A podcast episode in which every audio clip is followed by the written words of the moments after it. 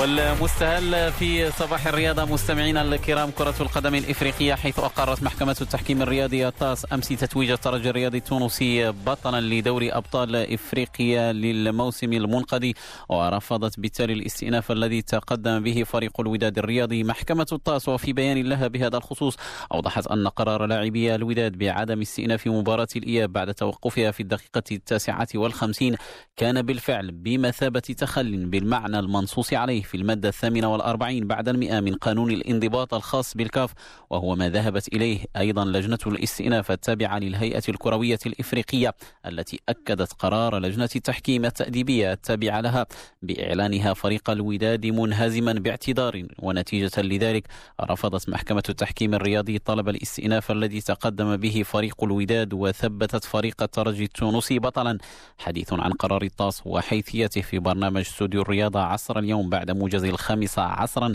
مع الخبير في القانون الرياضي وعضو محكمة التحكيم الرياضية المغربية خليل بوبحي. إلى منافسة البطولة الاحترافية المغربية حيث تجرى اليوم مباراة مؤجلة عن الجولة الرابعة والعشرين وخلالها يحل نهضة بركان ضيفا على أولمبيك خريبكا. مباراة بين فريقين على طرفي نقيض.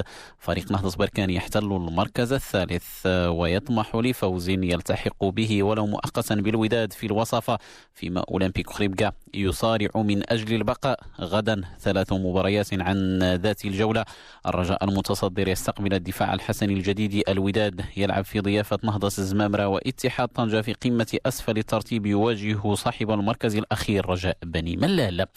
صدق الاتحاد الدولي لكرة القدم فيفا خلال مؤتمره الذي أقيم أمس عبر تقنية الفيديو على إدخال تعديلات على نظامه الأساسي فيما يتعلق بالجنسية الرياضية للاعبي كرة القدم ما سيسمح للاعبين أصحاب الجنسية المتعددة بتغيير تمثيلهم من منتخب إلى آخر شرط ألا يكونوا قد شاركوا في ثلاث مباريات رسمية رفقة المنتخب الذي مثلوه وذلك قبل أن يتموا عامهم الواحد والعشرين.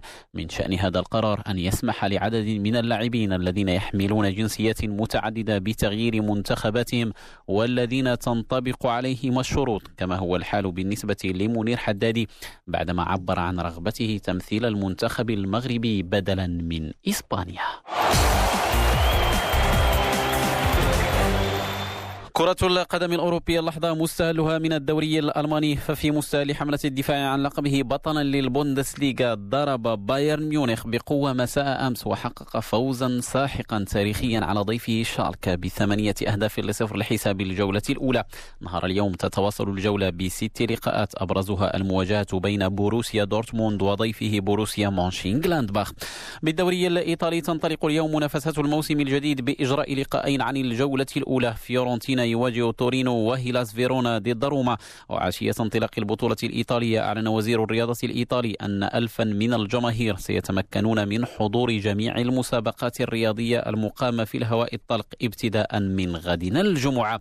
أوروبيا دائما بالدوري الإنجليزي تفتتح اليوم مباريات الجولة الثانية من البريمير ليج بأربع لقاءات. أبرزها مواجهة أرسنال ضد ويست هام ومانشستر يونايتد ضد كريستال بالاس. غدا الأنظار ستتركز على قمة الجولة.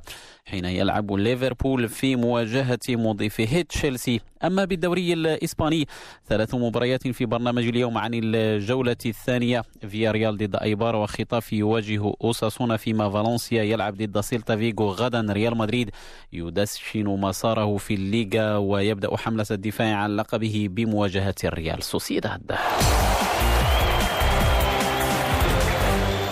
بعيدا عن كرة القدم إلى مسالك رياضة الجولف بالذات مدينة نيويورك الأمريكية ومنافسات بطولة أمريكا المفتوحة US Open المقامة على مسالك Winged Foot. الأمريكي باتريك ريد وبعدما خطف الأنظار في الجولة الأولى بإنهائه للحفرة السابعة من ضربة واحدة hole in one وصل فرض نفسه في اليوم الثاني وهو يتصدر الترتيب بأربع ضربات. سدد سبعين ضربة في الجولة الثانية محققا البار وتصدر الترتيب مستفيدا من تراجع أداء منافسيه خصوصا جاستن توماس متصدر اليوم الأول الذي تراجع إلى المركز الثالث رفقة مواطنه هاريس إنجليش والإسباني رافائيل كابريرا بيلو منافسة بطولة أمريكا التي خرج من دائرة التتويج بها عدد من نجوم اللعبة بعدما فشلوا في تجاوز ال cut أي المعدل الذي يسمح بمواصلة آخر يومين من المنافسة.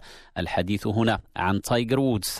شأنه شأن مواطنيه فيل ميكلسون كولين موريكاوا وحامل اللقب جاري وودلاند وجوردان سبيت. بذلك مستمعينا نضع نقطة نهاية صباح الرياضة. أشكركم على طيب الإصغاء والمتابعة.